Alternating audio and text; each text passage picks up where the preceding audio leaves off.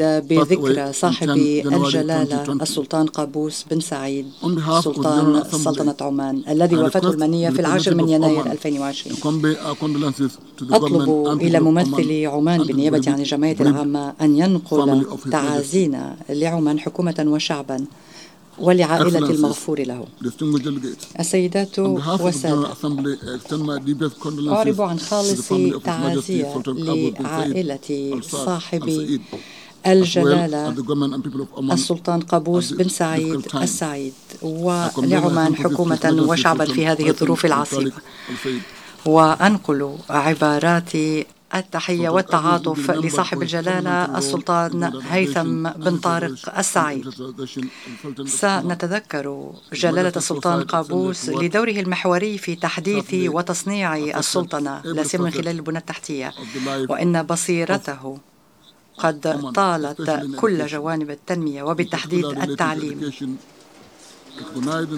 وفي هذا السياق واعترافا بأن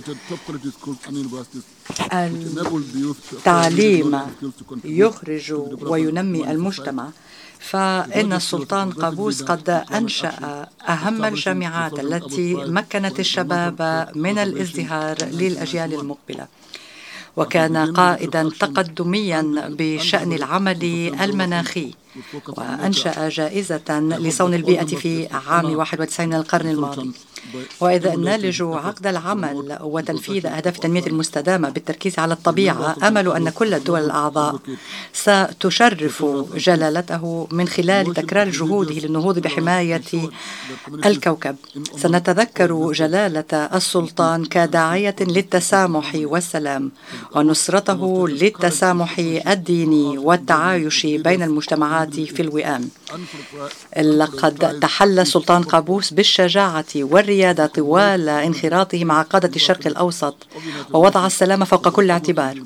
وإذ نحيي الذكرى الخامسة والسبعين لتأسيس المنظمة سنتذكر جلالة السلطان كصانع سلام ملتزم لقيم إنشاء هذه المنظمة.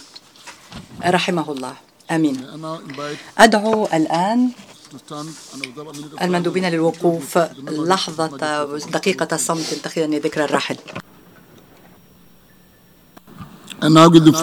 أعطي الكلمة الآن للسيد أنطونيو غوتيريش أمين عام منظمة الأمم المتحدة. السيد رئيس الجمعية العامة.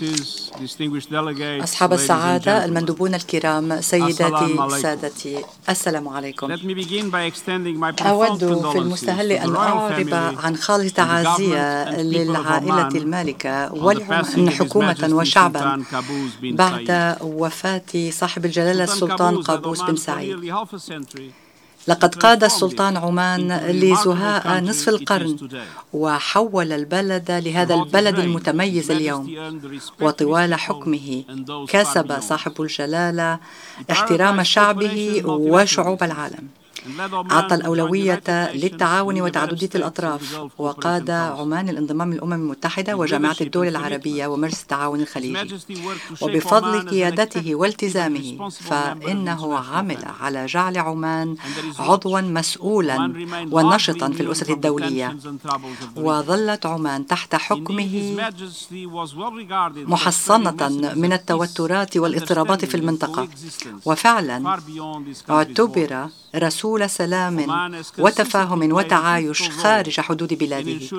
ولطالما أدت عمان دورا محوريا لضمان بقاء خطوط الاتصال مفتوحة بين الأطراف المتناحرة. وإن تصور صاحب الجلالة في بلده العزيز. قد سمح بارتقاء النساء لمستويات التعليم. وكذا الرجال. من خلال مضاعفته عدد المدارس والمستشفيات والطرق. ونحن نتذكره لما شقه من طرق طرق الحوار طرق التفاهم وطرق السلام. وأتمنى تمنيات طيبة لجلالة السلطان هيثم بن طارق والذي وإذا ينعي قريبه يتولى ريادة عمان. أنا آمل في أن مساهمات عمان في المنطقة والدبلوماسية الدولية ستتواصل بناء على إرث جلالة السلطان قابوس ونظل ندعم جهود عمان المتواصلة للنهوض بالسلام والاستقرار في المنطقة. وفي هذه الظروف العصيبة أعرب عن خالص تعازية مجددا وأخلد ذكرى الفقيد.